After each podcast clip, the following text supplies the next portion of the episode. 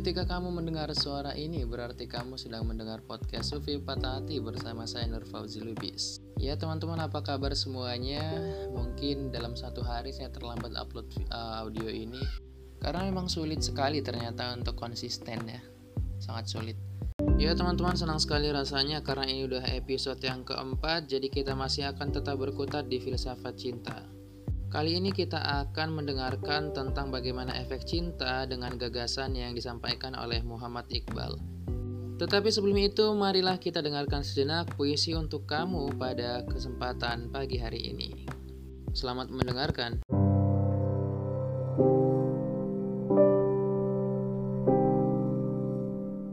Sumpahku adalah sumpah air pada akar tanaman Sumpahku adalah sumpah kayu bakar yang dilalap api. Sumpahku adalah tanah yang kau pijak setiap hari. Carilah sumpah itu di kehutan belantara, sebab setelah ditinggalkanmu, dia entah pergi ke mana. Jemputlah dia, bawalah dia pulang, Dik. Ya itu tadi puisi buat kamu. Saya ucapkan selamat pagi ya. Mungkin aja kalau kamu nontonnya sore ya tinggal diganti aja selamat sore. Kalau malam ya tinggal diganti selamat malam. Ya teman-teman ketika kamu jatuh cinta Pasti ada perubahan-perubahan yang terjadi dalam diri kamu. Itulah yang disebut dengan efek ya Akibat dari sebab kamu jatuh cinta. Oleh karena itu Muhammad Iqbal sudah menyusun beberapa gagasan tentang efek seseorang ketika dia telah jatuh cinta. Tanpa berlama-lama lagi kita bahas aja langsung yang pertama ya. Yang pertama kalau kata Iqbal, kalau orang telah jatuh cinta efeknya adalah cinta menjelmakan prestasi puncak kemanusiaan. Bagi Iqbal sendiri, cinta itu adalah sebuah prestasi, teman-teman. Menurut Iqbal bahwa manusia yang paripurna adalah manusia yang dipenuhi dengan cinta. Karena dengan cinta, segala-segala hal yang negatif itu tidak akan terjadi dan tidak akan diperoleh oleh seseorang yang telah dinaungi cinta. Misalnya saja jika seorang pemimpin mencintai rakyatnya, maka rakyatnya akan sejahtera. Sebagaimana kita sering dengar bahwa kisah Umar bin Khattab radhiyallahu an, bahkan dia sendiri memikul gandum karena saking cintanya kepada rakyatnya, dia pikul malam-malam dan menyamar menjadi orang biasa tanpa siapa pun yang mengetahui dia sebenarnya siapa. Nah, teman-teman, cinta inilah yang sering dipraktekkan dan bahkan setiap hari kita rasakan telah diberikan oleh Tuhan Yang Maha Kuasa. Kenapa kita katakan demikian? Misalnya begini teman-teman, jika ada di dalam suatu negeri, di dalam suatu komunitas, di dalam suatu daerah ada orang yang sering berbuat maksiat misalnya, tetapi Tuhan memaafkan mereka dan tidak mengazab mereka. Maka karena cinta dan kasih sayang dari Tuhan itu, Tuhan tidak memberikan satu apa pun yang menjadikan manusia menjadi lebih jauh darinya. Dan inilah yang diharapkan ketika manusia sudah sampai pada puncak tertinggi dari cinta itu, dia penuh dengan kasih sayang dan tidak pernah ada kebencian dalam hatinya, bahkan kepada orang-orang yang tidak mencintainya sekalipun.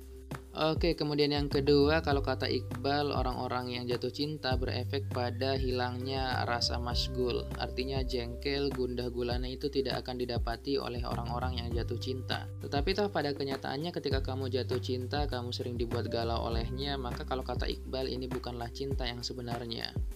Cinta membebaskan seseorang dari rasa kesal, dari rasa sebal, dari hari ini dan esok. Bahkan kalau kata Iqbal, ketika seseorang jatuh cinta dengan harus merelakan atau melepaskan seseorang yang dia cintai ataupun apa pun itu yang dia sukai, maka dia tak akan pernah merasa galau dan sebal di dalam jiwanya. Tapi kita akan bertanya, wah ternyata sulit sekali mencapai kepada efek cinta yang disebutkan oleh Muhammad Iqbal ini karena kita sendiri merasakan ya tidak seperti itu. Kita ya dikit-dikit galau, dikit-dikit kesal, dikit-dikit marah, kecewa dan lain sebagainya karena orang lain.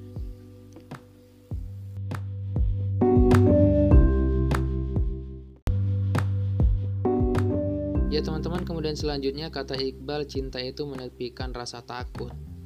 Karena cinta adalah energi yang penuh semangat Dia mampu menghalangi apa pun untuk mencapai tujuan yang kita tuju dalam cinta itu sendiri. Maka karena cinta orang tidak takut dengan apa pun. Dua orang yang saling mencintai mampu untuk menghadapi apa pun tantangan kehidupan berdua di depan. Bahkan cinta sejati tidak takut dengan pedang dan api Bahkan cinta sejati tidak gemetar dengan apa pun gertakan yang disampaikan kepadanya. Dan inilah mungkin yang telah dipraktekkan oleh para rasul ya. bagaimana mereka menjalankan agama tauhid, kemudian mereka banyak sekali mendapati hujatan, mereka mendapati cacian, makian, tetapi mereka tetap bergerak dan mereka tidak takut dengan apa pun karena mereka memang cinta dengan Tuhan yang Maha Kuasa. Dan ini juga yang akan berhubungan dengan bagian keempat, cinta adalah ketaatan sejati. Orang-orang yang telah jatuh cinta, efeknya yang paling ideal adalah mereka memiliki ketaatan sejati. Ya enggak sih teman-teman, kalian melihat di dalam rumah tangga orang tua kalian, oh, ayah biasanya juga nurut kepada ibu apa pun yang ibu katakan selama itu benar. Dan juga kamu misalnya kepada pasangan kamu pasti selalu nurut, selalu taat, selalu patuh dengan apa yang mereka katakan.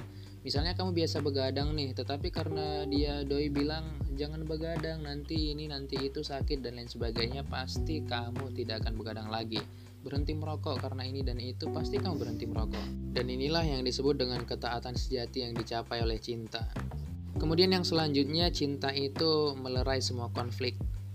Pernah nggak sih kalian di dalam suatu hubungan punya masalah, tetapi setelah kalian diam-diaman agak cukup lama, kalian mengingat kembali ternyata diam-diaman tidak ada gunanya, kalian mengingat kembali bagaimana perasaan kalian saat pertama kali jatuh cinta, kemudian menurunkan ego masing-masing dan saling berkabar satu sama lain. Inilah yang disebut dengan cinta bahwa dia menjadi pelerai semua konflik yang terjadi di antara kehidupan manusia. Kemudian selanjutnya cinta juga membentuk kesabaran. Ya teman-teman ketika kamu jatuh cinta kemudian efeknya yang paling ideal adalah kamu menjadi orang yang lebih sabar dari yang sebelumnya. Karena cinta seseorang menjadi sabar, dia menahan egonya demi kepentingan yang lebih jauh. Untuk lebih penting mereka jalani berdua misalnya. Misalnya sebuah komitmen yang sudah lama dijalani, kemudian ada suatu masalah tadi kita bahas, kemudian mereka tetap sabar menjalaninya. Ini adalah sebuah cinta yang berefek dengan sangat ideal, sehingga membuat seseorang menjadi sabar ya. Kemudian yang terakhir adalah cinta sebagai identitas iman. Ya bagi kita sebagai orang-orang yang beragama, iman artinya yakin. Yakin adalah menunjukkan rasa cinta kita kepada Tuhan yang Maha Kuasa dengan menjalankan segala perintah, menjauhi segala larangan, menjalankan ibadah-ibadah ritus dan menjauhi segala hal-hal negatif yang tidak dianjurkan. Artinya seseorang yang mengaku beriman tetapi dia tidak mencintai saudaranya, misalnya tidak mencintai Tuhannya, tidak mencintai alam sekitar, maka dia sebenarnya adalah orang yang tidak beriman. Cinta dan iman ibarat sebuah ruangan yang gelap, kemudian diisi dua lampu pijar yang masing-masing sinarnya itu memenuhi tebaran ruangan ya kalau dihidupkan. Maka apabila salah satu bola lampu mati, maka dalam ruangan itu akan terasa lebih redup. Nah, inilah yang disebut dengan cinta sebagai identitas iman. Sebagaimana para rasul, orang-orang yang soleh terdahulu itu mereka menunjukkan cinta sebagai identitas imannya yang sering sekali dipraktekkan oleh para sufi ya. Bahkan ada satu sekte yang namanya sekte Mahabbah yang mereka memang mendedikasikan diri karena cinta kepada Tuhan yang Maha Kuasa, kemudian mengaplikasikannya dengan mencintai makhluk, mencintai alam sekitar. Nah, oleh karena itu di podcast keempat ini kita ingin ambil kesimpulan, kita ingin ambil pelajaran yang ingin disampaikan Muhammad Iqbal kepada kita semua bahwa Muhammad Rasulullah itu dan nabi-nabi lainnya membela kejayaan Islam ini dengan cinta, dengan ajaran kasih sayang, begitu juga di agama-agama lainnya kita selalu mengajarkan kasih sayang, tidak ada permusuhan, tidak ada konflik, tidak ada intoleransi, apalagi terorisme. Waduh, udah kayak apa ya juru bicara BNPT aja saya. Ya, teman-teman semuanya dalam kehidupan yang lebih bermasyarakat, kita harus memiliki kontribusi yang besar dengan menunjukkan dan menebarkan cinta dan kasih sayang di antara sesama. Jangan sampai karena konflik, karena sesuatu hal yang tidak kita inginkan, kita menjadi terpecah belah.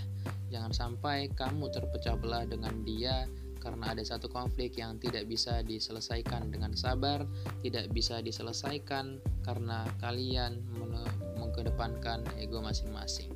Mungkin itu saja ya podcast pada episode keempat kali ini. Semoga bermanfaat. Semoga teman-teman terus mendengarkan. Jika kalian suka terus dengarkan dan terus ikuti kita di beberapa platform di Spotify di Google Podcast di Apple Podcast dan di platform-platform lainnya.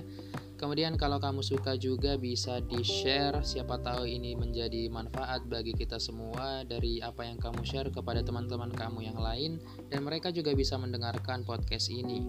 Kemudian terakhir saya mohon maaf apabila ada kesalahan-kesalahan karena mungkin dalam penyampaian-penyampaiannya agak kurang nyaman kamu dengarkan tetapi tidak masalah, yang penting isi dan manfaatnya bisa kamu cerna di dalam hati. Kita ambil Kesimpulan serinya bahwa efek dari cinta yang pertama dia menjelmakan prestasi puncak kemanusiaan, kemudian cinta membuat kita nihil dari rasa kekecewaan, kemudian yang ketiga cinta menepikan rasa takut, kemudian cinta adalah ketaatan, kemudian cinta melerai semua konflik, kemudian cinta karakternya membentuk kesabaran, kemudian juga cinta adalah identitas iman kita. Demikian itulah podcast kita pada episode keempat kali ini bersama saya Nur Fauzi Lubis masih dalam seri Filsafat Cinta. Terima kasih telah mendengarkan, semoga bermanfaat, keep positive and stay healthy.